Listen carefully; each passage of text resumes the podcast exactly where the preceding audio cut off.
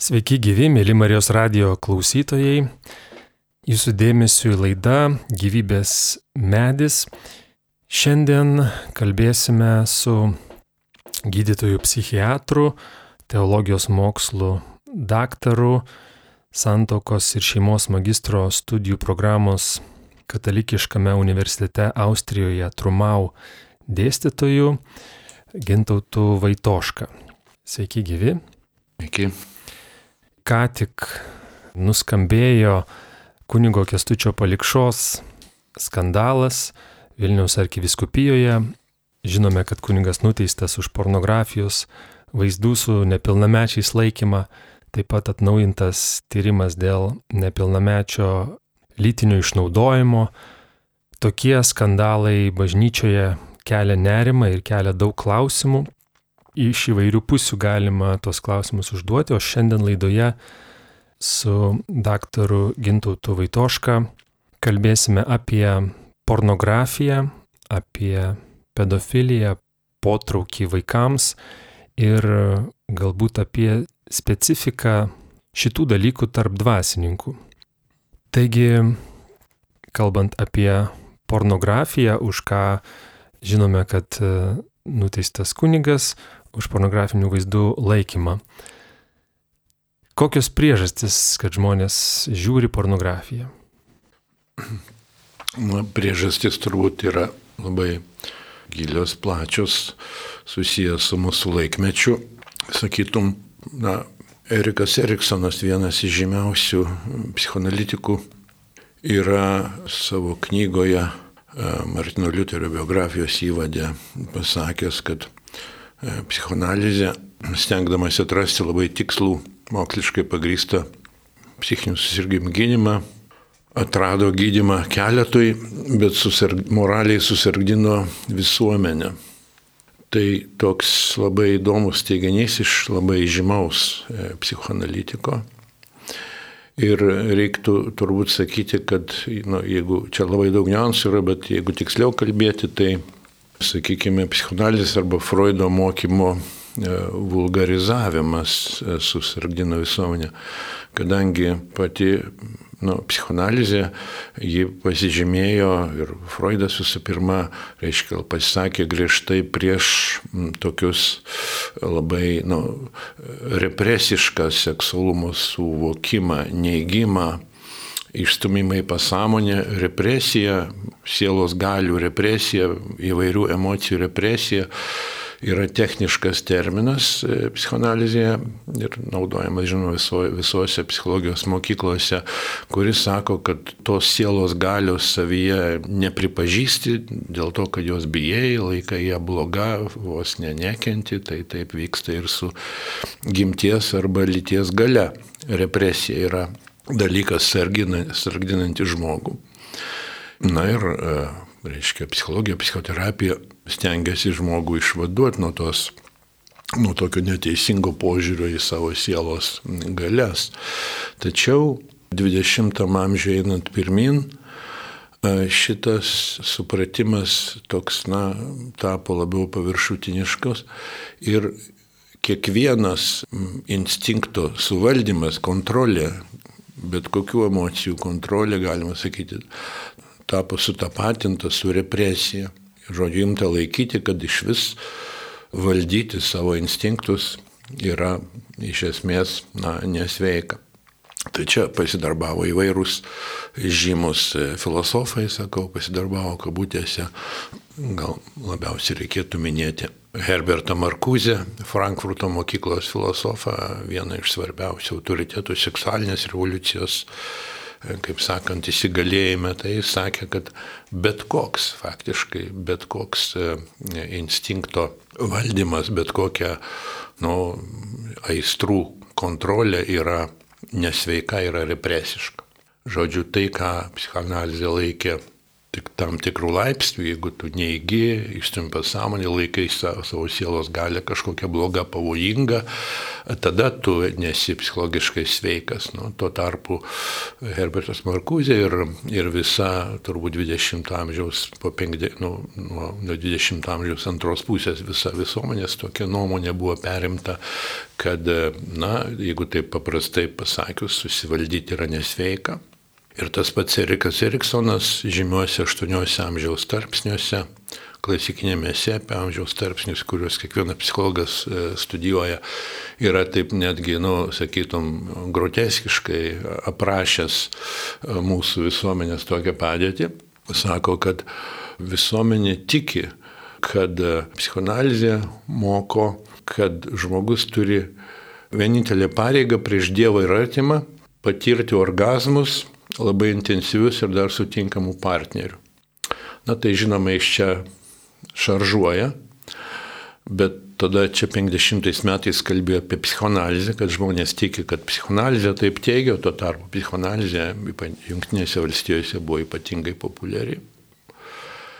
Na, bet mes dabar gyvenam tokiu laiku, kada iš tikrųjų visuomenė tiki, kad mokslas sako, kad reiškia, būtent tu turi gyventi e, šitaip, e, patirti seksualinį malonumą.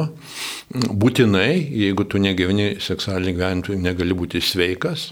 Ir, na tai, žinot, užtenka atsiversti mūsų dienraščius. Dėja, reiškia, tarp iškart po žinių apie kokį nors kokius nors baisius dalykus, pavyzdžiui, karo Ukraina ir panašiai. Ir, ir Delfija ir 15 minučių pamatysite naujus, reiškia, prašė, naują paveikslėlį, kur aprašomi nauji septyni ar dar daugiau kokie nors seksualinio patyrimo, laimingo seksualinio patyrimo būdai. Tai čia mūsų, aišku, truputėlį provincija tokia, nes užsienio šalių pagrindiniuose žinių tinklapiuose tikrai pirmam puslapį tokių publikacijų nepamatysi. Na, bet kadangi mūsų kraštas dar buvo pažeistas, kaip sakant, komunizmo, ištvirtinti, e, išklibinti tokios moralės, doros pamatai, tai paskui jau hedonistinė banga, e, galima sakyti, visiškai nuplovė mūsų e, tokį blaivesnį supratimą.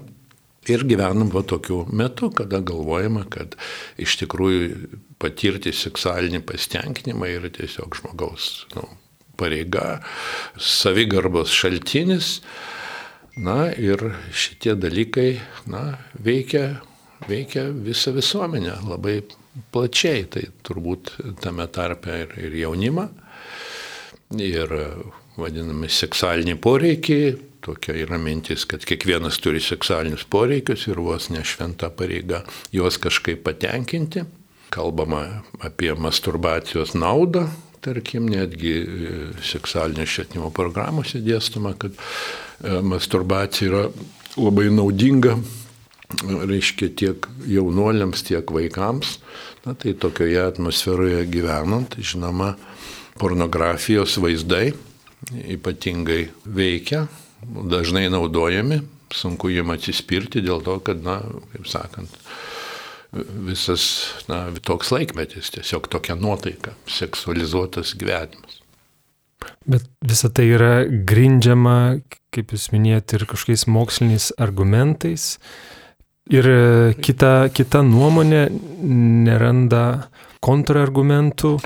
Na taip, man, nu, tai grindžiama iš tikrųjų šitie argumentai yra pseudomoksliniai, ne, nes, nes e, jeigu jau žiūrėt į rimtesnį uh, psichologijos mokslą, tai vis dėlto ir ta pati nu, ir, ir psichoanalitinė tradicija, ir, ir matyti kitos mokyklos, uh, reiškia, psichoterapijos, psichologijos mokyklos, jos pabrėžia, kad sveika seksualumo raiška pasižymi tuo, kad ši aistra yra meilės dalis.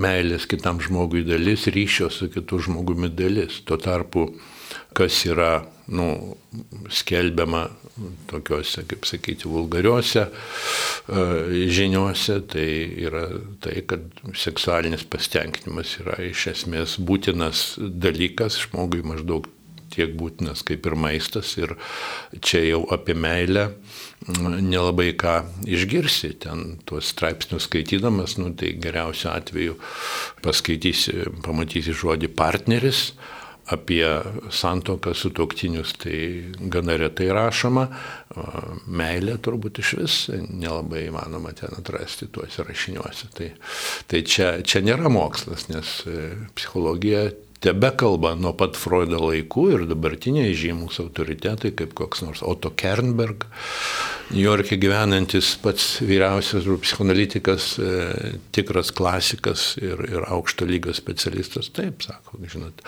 kaip sakant, seksas be meilės yra patologija. Gerai, bet e, ir bažnyčios mokymas, kaip čia pasakyti, e, pagrindžia tą, ką jūs sakote, rimtas mokslas teigia, e, bet e, kaip ir laidos pradžioj, nuo ko pradėjom, pornografijos naudojimas pasitaiko bažnyčioje e, tarp tikinčių žmonių, kurie galbūt tam nepritarė ir, ir, ir bažnyčia laiko tai nuodėme, kaip tuomet prasiskverbia, tuomet ta pornografija prasiskverbia be argumentų kažkaip, kažkaip kitaip. Na matot, tai čia, kaip sakant, nuo Domos ir Jėvos laikų e, žmogus visada buvo gundomas nusidėti ir šita aistra, šita galia yra labai stipri ir labai graži, Dievo duota gimties galia, tačiau turi tam tikrą, reiškia, silpnesnį vietą, pažeista gimtos nuodėmės kaip Karolis Vaitila labai gražiai rašom, taip, pozityvi meilės gale, tačiau jie mus skatina ne tik mylėti kitą žmogų, bet, bet ir pasinaudoti kitų žmogumi. Tai čia yra nu, universali problema visų, visais laikais. Žmogus turėjo tokį iššūkį, kad sujungti šią galę su meilė, pagarba kitam žmogui. Ir na, tikinti žmonės lygiai taip pat patiria, nu, kaip sakom, patiria tokį iššūkį sujungti šią galę su meile ir visais laikais patirdavo įvairiausi patyrimai, įvairiausios dvasinės praktikos, daug šventųjų apie tos dalykus yra rašę. Ir aišku, šiais laikais, kada gyvename tokioje, nu, kaip sakyti, tikrai silgarinto seksualumo supratimo epochoje, tai ir žmogui, kuris tiki, yra dar yra sunkiau negu turbūt ankstesniais laikais, kad būdavo. Ką galim pasakyti apie priklausomybę nuo pornografijos? Ar tikrai galim sakyti, kad e, priklausomybė ši egzistuoja ir kuo jis skiriasi nuo kitokių, nuo alkoholizmo, narkomanijos ir taip toliau? Ar, panašiai su ja reikia tvarkytis ir kada galima sakyti, kad e, žmogus nuo pornografijos yra priklausomas? Tai panašus ženklai kaip kitų priklausomybių atveju. Tai yra intensyvus naudojimas. Vienas ženklas, kitas, kad žmogus daug kartų mėgino šį protį mest, nes vis tiek supranta, kad tai nėra gerai, bet jam nepavyko. Ir tada jau to įpročio intensyvumas mm, iš tikrųjų sutrikdo jo socialinę adaptaciją. Gyvenimas šeimoje, darbe tiesiog būna tokie, nu, kaip sakyti, ir kaip lyginant su alkoholizmu, nu, tokie reiškia, kaip ir užgerimai ar ne, reiškia, kada žmogus ten ištisai naudoja tą pornografiją. Ir, Ir aišku, ir sveikatos gali problemų, tada jau fizinės sveikatos problemų susilaukti dėl, dėl išsiekimo. Nu, čia jau aišku, kad gal tokie ryškus priklausomybės atvejai nėra labai dažni, bet e, vartojimas ir, kaip sakant, tam tikra priklausomybė, gal nebūtinai kliniškai apibrėžiama, tai dažnas dalykas. Kaip manote, bažnyčioje, e, kokia jūsų nuomonė, koks yra paplitimas e, priklausomybės arba naudojimo pornografijoje tarp, nežinau, tikinčiųjų? Na, nepasakysiu, nežinau iš tos statistikos. E, e, šiaip amerikiečių statistika, sekuliari statistika kalba, kad 18-34 metų vyrai 60 procentų iš jų naudoja pornografiją du kart per savaitę. Tai turbūt vieną kartą per savaitę dar daugiau, na, reiškia, iš tikrųjų didžioji vyrų dauguma. Amerikiečių statistika, tai aš nežinau, ar čia yra e, į tą, reiškia, tą tyrimo imtis apėmė ir tikinčių žmonės, negaliu pasakyti. Naudojimo, o jeigu kalbėtume apie priklausomybę, ar yra kokia nors statistika? Na, iš tikrųjų, priklausomybės nuo pornografijos diagnozė buvo mm, diskutuojama, galima galvoti, galbūt pornografijos industrija irgi turėjo savo žodį, kad, reiškia, tokia diagnozė, tarkime, žymėme amerikiečių diagnostinėme žininė DSM-5 neatsirado, reiškia, nėra jos priklausomybė nuo pornografijos. Tačiau E, tarptautinėje lygų klasifikacijoje, e, klasifikacijos 11 variante, kuris dabar pradeda įsigalioti, tame tarp ir Lietuvoje, ten yra, reiškia, panaši diagnozė, tai yra kompulsyvus seksualinis elgesys. Reiškia, toks priverstinis seksualinis elgesys. Tai faktiškai e, yra analogiška diagnozė, kaip sakant, tas terminas maždaug reiškia tą patį, galbūt galim pasakyti priklausomybė nuo pornografijos. Statistika kol kas nu, nėra pateikiama, kiek žmonių gali būti šio sutrikimo pažeisti. Iš tikrųjų, čia matot gana naujas dalykas vis dėlto, kadangi susiję labai su interneto plėtra ir tarkim, nu, tokia situacija, kad vyrai ne, nebegeidžia savo žmonų, tai čia iš tiesų labai nauja situacija. Nežinau gerai, kaip čia dabar būtų Lietuvoje, bet amerikiečių spauda tuo skundžiasi, nes visada būdavo atvirkščiai. Tai vyras labiau aistringas ir siekdavo savo žmonos ir žmona, reiškia, kartais būdavo palankiai nusteikus, kartais ne, nu tokia klasika, tiesiog vyras siekia, siekia moters. Tai dėl pornografijos vartojimo iš tiesų moteris jaučiasi pamirštos, žmonos jaučiasi pamirštos neretai. Ir tai yra tikrai nauja problema, bet, bet skausminga problema. Yra situacijų, kada dėl to išyra santokos. E, tai kokį 15 metų galima girdėti apie tą dalyką, tai ir matyti ir tas masinis pornografijos vartojimas, jisai labai, reiškia, įsigalėjęs su internetu e, paplitimu ir taip pat mobiliųjų telefonų, e, reiškia, išmaniųjų telefonų atsiradimu žmonių kišenėse, mėgamosiuose ir kur tik nori. Apie šeimas pavyzdį pateikėt, bet ar daro įtaką ir kažkaip kitaip ir specifiškai reiškiasi dvasininkų luome, kurie laikosi celibato. Ar yra kažkokia specifika čia e, ir kažkokie, nežinau, pavojai, statistikos tikriausiai čia gal ne, nežinosim, bet. Na, matot, aš manau, kad dvasininkų luome situacija yra geresnė negu pasauliečių. Čia gal skamba dabartinių skaudžių įvykių kontekste tai labai gal, kaip sakyti, netikėtai ar, ar vos neskandalingai. Tačiau studijuodamas žmogus seminarijoje, gyvendamas sakramentinį gyvenimą, eidamas iš pažinties ir, ir švesdamas mišes, prinva šventą komuniją, patiria tikrai didelę Dievo malonės pagalbą ir būti skaiščių na, yra lengviau negu nepraktikuojant intensyvaus dvasinio gyvenimo. Yra, tarkim, tokių įdomių e, statistinių duomenų, pavyzdžiui, kurie nu, tokie labai netikėti. Tarkime, vienais metais, e, reiškia, praeito šimtmečio paskutiniam dešimtmetyje, vienais metais Vokietijoje buvo užfiksuota 94 seksualinio išnaudojimo atvejai bažnyčioje, 94. Tai aišku, labai skausmingas dalykas, rodo, kad dvasininkai irgi ne visada išlaiko šitą iššūkį, tačiau pasauliečių tarpe tais metais buvo e, fiksuota 15 tūkstančių seksualinio išnaudojimo atvejų. Čia Vokietijos žurnale skelbiami statistiniai duomenys, Cicero toks yra žurnalas. Tai kaip čia yra? Matot, kada tokie dalykai vyksta bažnyčioje, šventoje vietoje, kurioje žmogus turėtų būti visiškai saugus. Tai nuskamba labai plačiai ir labai skausmingai ir labai tai suprantama, kad tai yra ypatingai skausmingas dalykas, nes čia, kaip sakant, blogiausi dalykai vyksta geriausioje vietoje.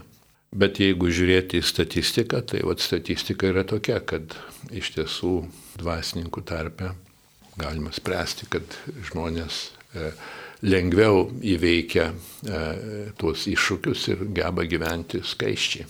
Turbūt geriau negu pasauliečiai, bendrai kalbant. Dabar, kada įvyksta tokie nusikaltimai, apie kuriuos mes kalbame, na, tai žinoma rodo, kad ir čia yra, kaip sakant, spręstinų problemų ir, ir reiškia, reikalinga ieškoti sprendimų ir šitoje srityje, ir dvasininkų rengime ir panašiai, ką e, bažnyčios e, vadovybė privalo daryti ir manau, kad ir daro.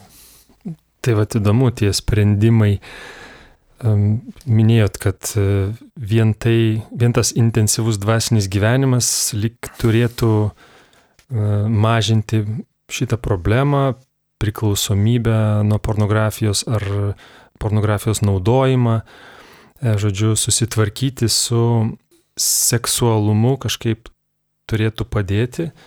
Bet jeigu taip, nežinau, nedvasiniais ne terminais kalbant, kas padeda atsikratyti priklausomybės, nepatekti į priklausomybę, ne, ne, netapti priklausomam, kokie e, būdai, kokia pagalba, ar išorinė, ar pats žmogus, paties žmogaus pastangos gali padėti.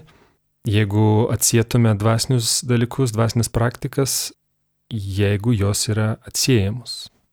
Na, turbūt sunku taip e, padalinti žmogui tokias skirtingas dalis, bet, e, na, žinoma, kad, žinot, čia skaistumo darybė, skaistumas, tai skaistumo apibrėžimas yra toks, kad tai yra seksualinės arba gimties galios reiškimas per meilę. Meilė ir pagarba kitam žmogui.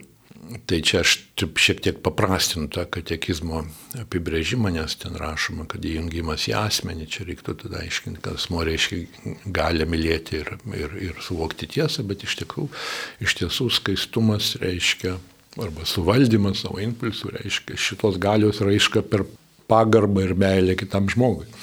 Tai dabar vedusiam žmogui per pagarbą ir meilę ir tame tarpe aistringą meilę savo sutoktiniai o nevedusiam, gyvenančiam nu, celibatę, tarkim, dvasininkam per, reiškia, šios, nu, tokią dvasinę tėvystę, dvasinę motinystę. Kada nu, ši galia nėra naudojama e, kūniškai, tačiau e, tai yra pagarbos, gėrio, kaip sakot, meilė yra nu, gėrį teikianti, gėrį spinduliuojanti galia.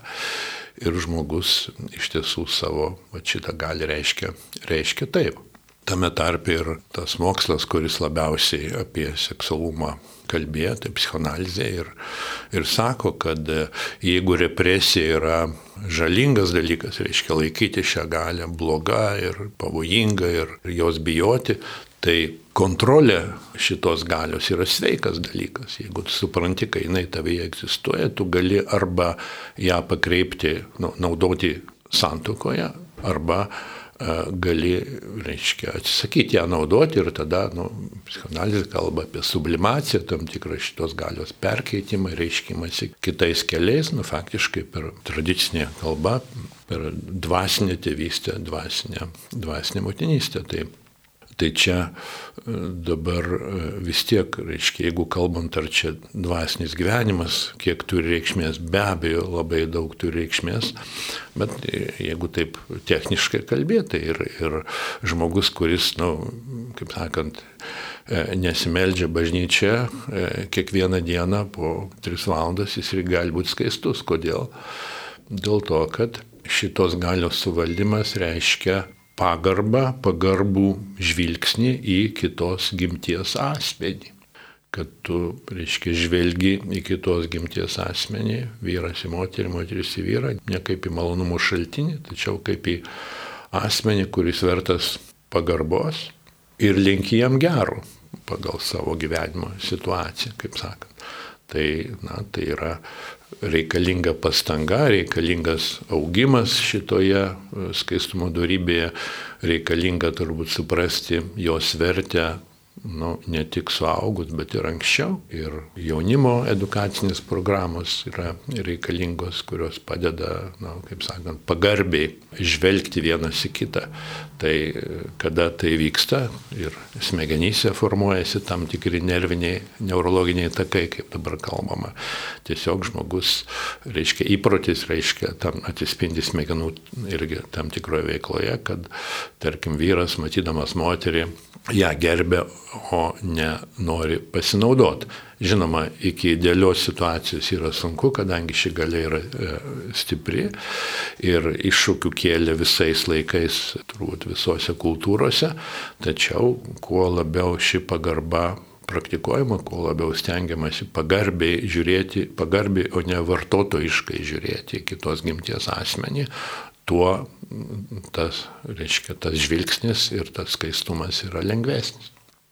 Na gerai, bet jeigu jau žmogus yra priklausomas nuo pornografijos, e, žinome, alkoholizmo priklausomybę, tiesiog daugiau žmonėms girdima, kaip su ją tvarkomasi, kaip e, ta abstinencija nuo alkoholio vykdoma, žodžiu, žmonės susibūrė į anonimių alkoholikų grupelės ir taip toliau.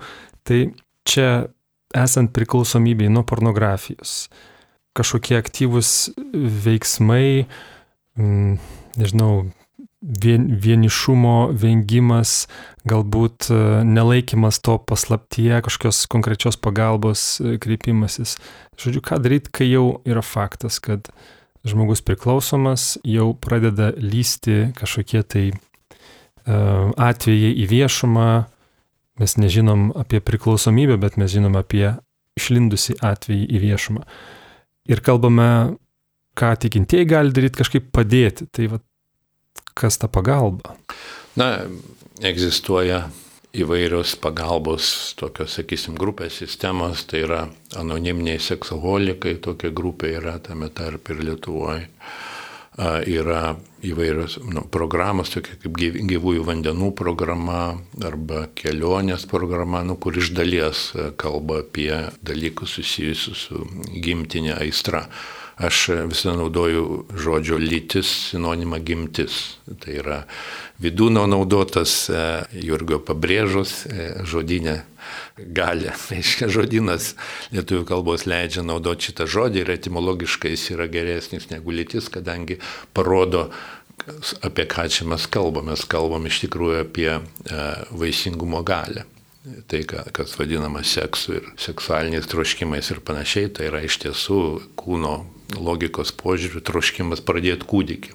Na, kas šiais laikais yra užmiršta ir kaip sako Markas Regnerus, žymus amerikiečių sociologas, seksas yra natūraliai nevaisingas mūsų laikais, natūraliai kabutėse. Na tai čia tokia šintarpa šiek tiek įdedu, bet yra iš tiesų tos grupės, Ir taip pat yra, pavyzdžiui, grupė Drasa, Courage, tai yra grupė, kuri dirba, padeda žmonėm jaučiantiem homoseksualų potraukį gyventi skaiščiai tarptautinis judėjimas e, labai e, efektyviai veikiantis yra tos grupės pradžia ir, ir Lietuvoje, Kaune.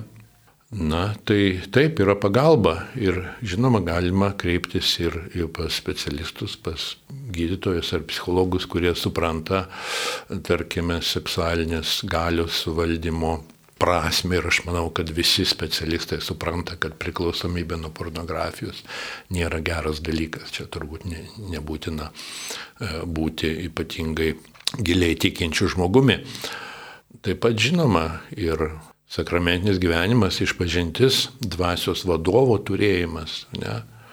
Aš kai studijavau Junktinėse valstijose, turėjau porą draugų, kurie atvažiuodavo pas tokį e, pagyvenusi Dominikoną, filosofijos profesorių, kas savaitę iš pažinties ir dvasinių pokalbių. Jie nebuvo priklausomi nei nuo alkoholio, nei nuo lošimo, nei nuo pornografijos, nuo nieko. Buvo labai protingi išsilavinę žmonės. Tai šio laikinė katalikybė iš tikrųjų patarė turėti dvasios vadovą, su kuriuo tu kalbė apie savo santykį su Dievu.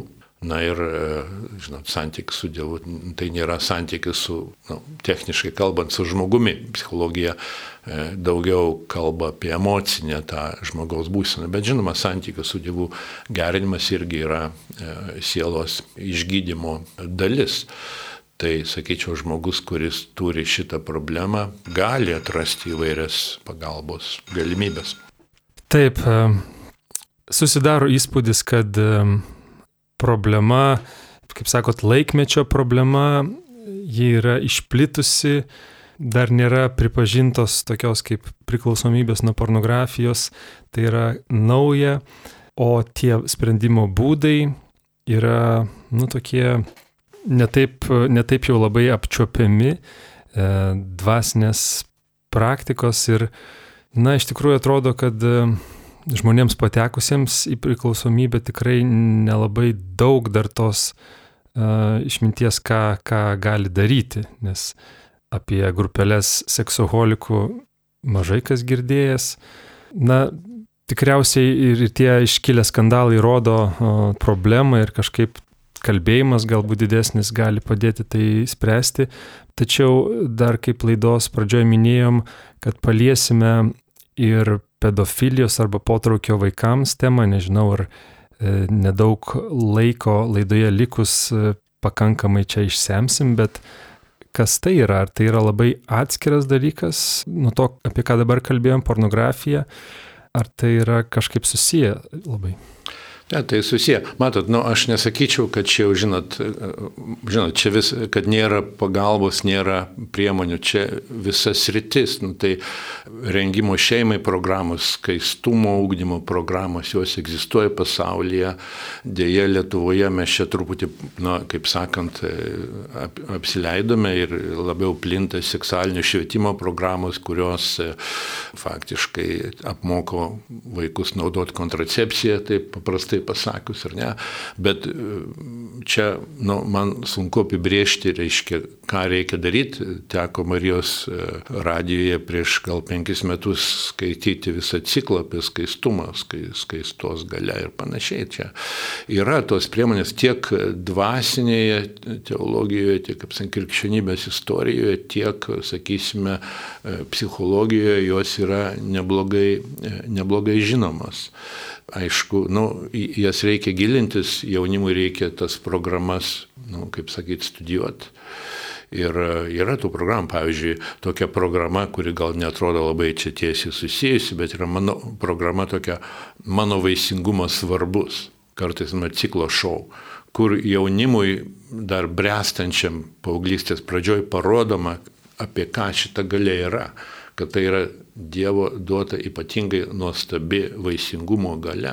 Ir kada tie vaikai ir jaunoliai mato, kad čia yra iš tiesų jos tokį didelį svorį, tai jie supranta, kad tai yra, kaip sako, kitos žymios programos Paulio žvaigždės, kurieja Hanna Klaus sako, čia yra, supranta, kad seksas yra ne rekreacija, bet prokreacija. Nu, vat, kaip sakant, praeidami tą programą, savo kūną pažindami ir panašiai. Yra pažink save programa, yra programa esi vertas daugiau Lietuvoje bažnyčioje jaunimo centrai dėsto e, šitas programas. Tai yra priemonių, jos per mažai galbūt žinomas, bet e, iš tiesų, žinot, kas nori, tas gali atrasti.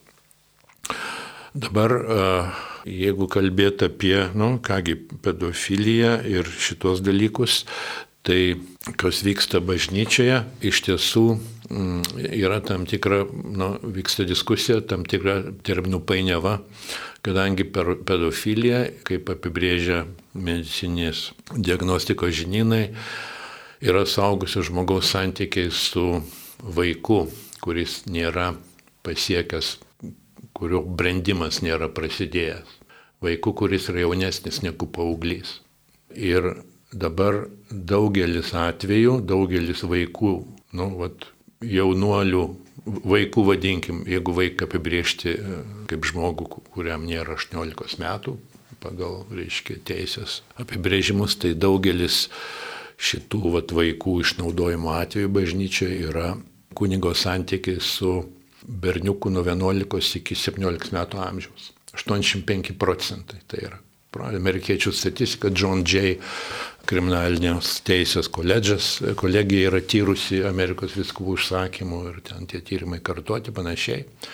Reiškia, daugeliu atveju tai nepatenka į pedofilijos, reiškia, apskritį. Tai reiškia, čia negalima sakyti, kad čia šitas žmogus, kuris išnaudoja jaunuolis, yra pedofilas pedofilija yra labai rimta diagnozė, dažniausiai susijusi su kitais rimtais psichinės veikatos sutrikimais. Na tai šitų atvejų pasitaiko, bet mažai. Tai tada vyksta diskusija, kaip čia yra, kodėl ir tai daugeliu atveju tai yra kunigo santykiai su berniuku, paaugliu berniuku. Tai kiek čia turi reikšmės homoseksuali orientacija. Čia vyksta aštrios diskusijos, bet šitie skaičiai galime visgi galvoti, kad aiškiai rodo, kad tai yra problema. Ir 2005 metais e, švietimo kongregacija išleidusi dokumentą, kuriuome yra apibriešta, nu, paprastai kalbant, kuriuome nerekomenduojama priimti seminariją ir suteikti šventimus vyrams, kurie turi homoseksualų potraukį. Ten yra nu, įvairūs, e, kaip sakant, e, niuansai ir tai yra tas potraukis giliai įsišaknyjęs, e, ar žmogus remia gėjų kultūrą vadinamą, kuri dėja ypatingai užsienio seminarijose buvo labai paplitusi ir iš dalies turbūt tebėra kai kur ar, žinoma, praktikuoja homoseksualius santykius. Tai yra va, tokie nu, konkrečiai išvardinti dalykai, kurie neleidžia žmogaus priimti į seminariją ir suteikti jam šventimus. Tai, na, 15 daugiau metų šitam dokumentui ir manau, kad seminarijos tikrai stengiamės tą daryti. Ir šventas tėvas Pranciškus tą pabrėžia ne kartą, kad jis laikosi šių nuostatų Paskutinis interviu gal šią temą buvo 18 metais, kur aiškiai pasakė, kad reiškia iš tiesų tai yra na, bloga praktika. E, reiškia, na ir kągi, manau, kad gali situacija gerėti. Nykstant tai gėjų kultūrai seminarijose, įsivaizduokite, Junktinėse valstijose buvo tokių seminarijų, nu, gal ne tik Junktinėse, bet ten gal labiau žinoma, labiau atvira, kur tiesiog jeigu tu maždaug nepritari homoseksualiems santykiams, tai tu esi baltavarnas seminarijoje, tau sunku būti, iš tavęs šaipomas. Tokį esam turėję studentą pas mus Austrijoje universitete. Į vieną seminariją buvo neprimtas dėl to, kad jis sakė, kad homoseksualų santykiai yra nuodėmė, o kitoj seminarijos buvo reiškia, kaip sakant, labai keistas žmogus, nes jis nepritarė paplitusiai gėjų kultūrai seminarijai. Na tai čia, reiškia, groteskiška situacija. Tai bažnyčia imasi tą dalyką tvarkyti, aišku, susiję su seksualinė revoliucija, su tuo, žinot, kaip sakant, orgiastiniu seksualumo supratimu, kuris įsigalėjo po 50 metų Tai bažnyčia įmasi tvarkyti šitos klausimus ir iškyla, aišku, labai skausmingų situacijų, bet manau, kad įveiks šitą kliūtį, kaip ir ne vieną kliūtį bažnyčių istorijoje yra pavykę įveikti. Jo, iš tikrųjų tokie neįtikėtini dalykai kaip e, gėjų kultūra arba homoseksualizmo praktikavimo kultūra seminarijos atrodo labai disonansiškai E, skambantis dalykas. Taip, labai. Ir, ir aš manau, kad tikrai Lietuvoje to nėra. Ir čia, e, na, ačiū Dievui. Na ir aišku, šitos nuostatos, tos jau naujesnės nuostatos, bažny, ar atnaujintos, nu, bažnyčia visada turėjo šitą poziciją, ar ne, čia nieka, visada buvo skiriama polinkis ir veiksmai, veiksmai visada buvo laikomi nuodėmė, polinkis irgi nebuvo laikomas gerų dalykų. Reiškia, yra 86 metų laiškas viskupams, kur rašoma, kad tas polinkis yra polinkis ir į e, rimtą nuodėmę, taip kad negali laikyti jo tik neutralių dalykų. Ne?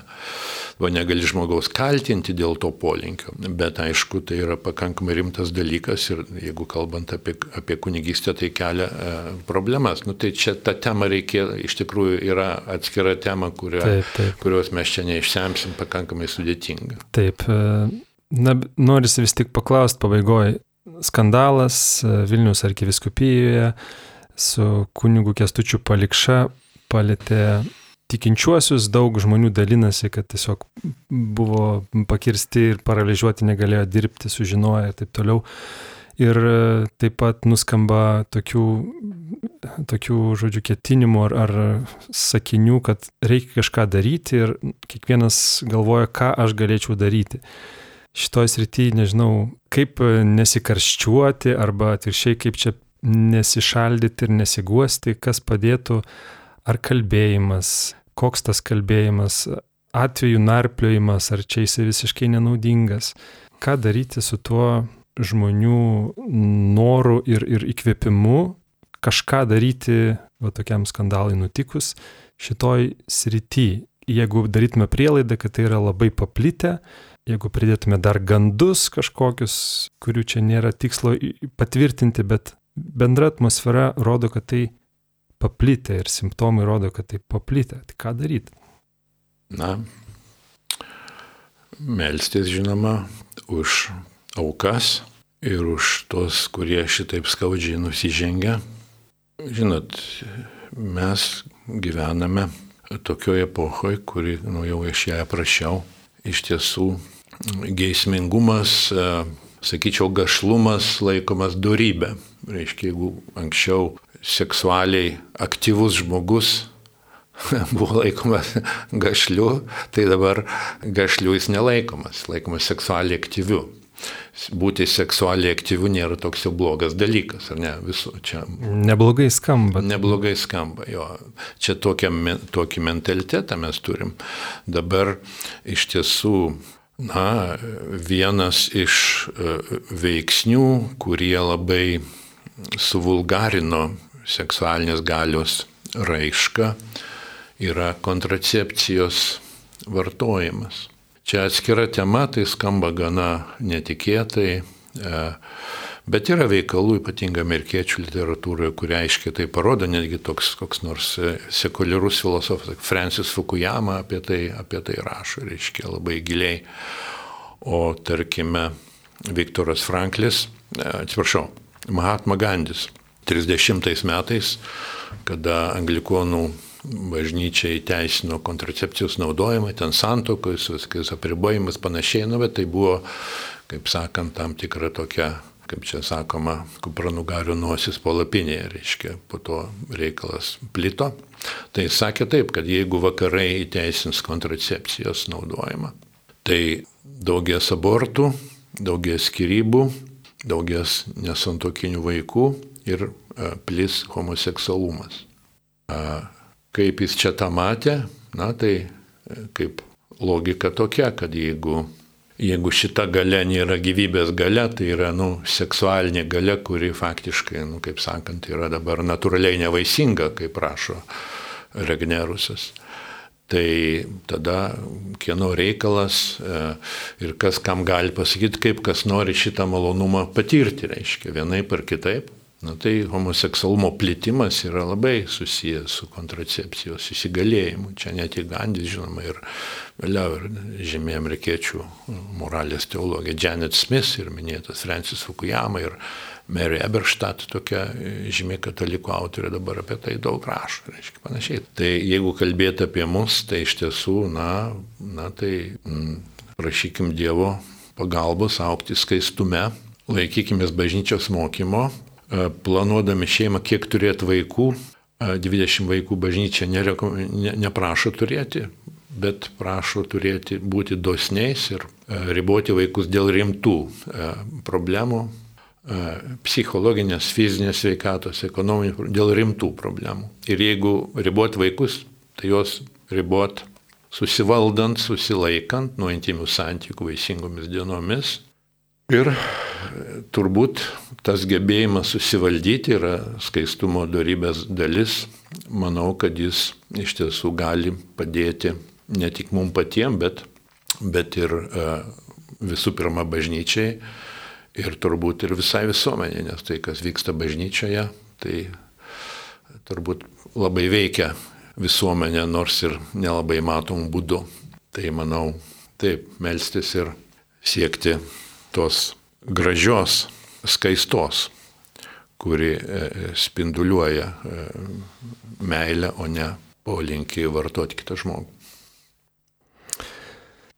Jo, mm, tolimi, rezultatai tolimi, žingsniai gal, gal ir aiškus, bet Žodžiu, Na, procesas ne, negreitas. Matot, matot, kodėl nėra pašaukimų dabar, ar ne, juk skundžiamas pašaukimas. Kodėl? Tai dėl to, kad mažai turim vaikų, vienas dalykas, o kitas dalykas, kaip pripažįstama, na, žinot, e, kontracepcijos vartojimas yra pakankamai hedonistinė nuostata.